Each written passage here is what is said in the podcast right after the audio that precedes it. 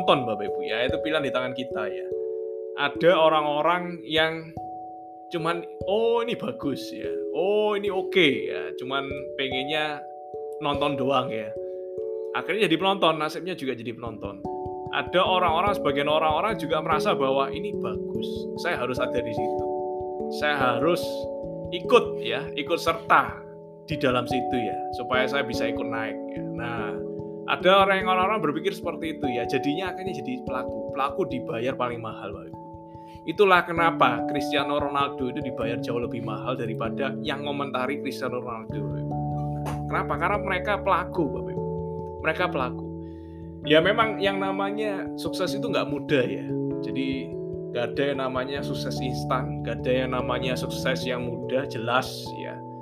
Tapi ada yang namanya sukses yang lebih mudah jadi tidak ada yang namanya sukses mudah, tetapi ada faktor-faktor yang menjadikan sukses itu jadi lebih mudah, ya. lebih mudah daripada konvensional bisnis ya.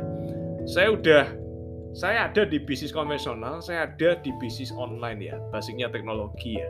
Dan dari dua-dua itu saya katakan bahwa ketika bisnis kita IT, ketika bisnis kita teknologi, ketika bisnis kita online itu suksesnya jauh jauh jauh jauh lebih mudah daripada kita ngerintis sendiri bikin sistem sendiri ya. Dan semuanya offline dijalankan ya. Nah ini bapak ibu ya. Itu itu pertama ya yang ingin saya sharingkan yang kedua ya. Yang kedua kenapa juga saya ada di sini? Karena saya happy untuk bantu orang bapak ibu ya. Jadi kadang ada orang itu punya yang namanya aturan happiness sendiri-sendiri. Ada orang tuh ada punya aturan kebahagiaan sendiri-sendiri. Ada orang itu yang happy ketika making money, ya.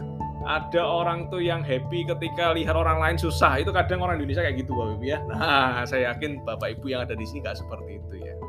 Ada orang yang happy ketika dia makan ya. Makanya ini ya, kena obesitas dan sebagainya ya tapi ada juga ya orang-orang yang happy ketika melihat orang lain happy, happy ketika udah bisa bantu orang lain, happy ketika melihat banyak orang kehidupannya berubah, Bapak Ibu.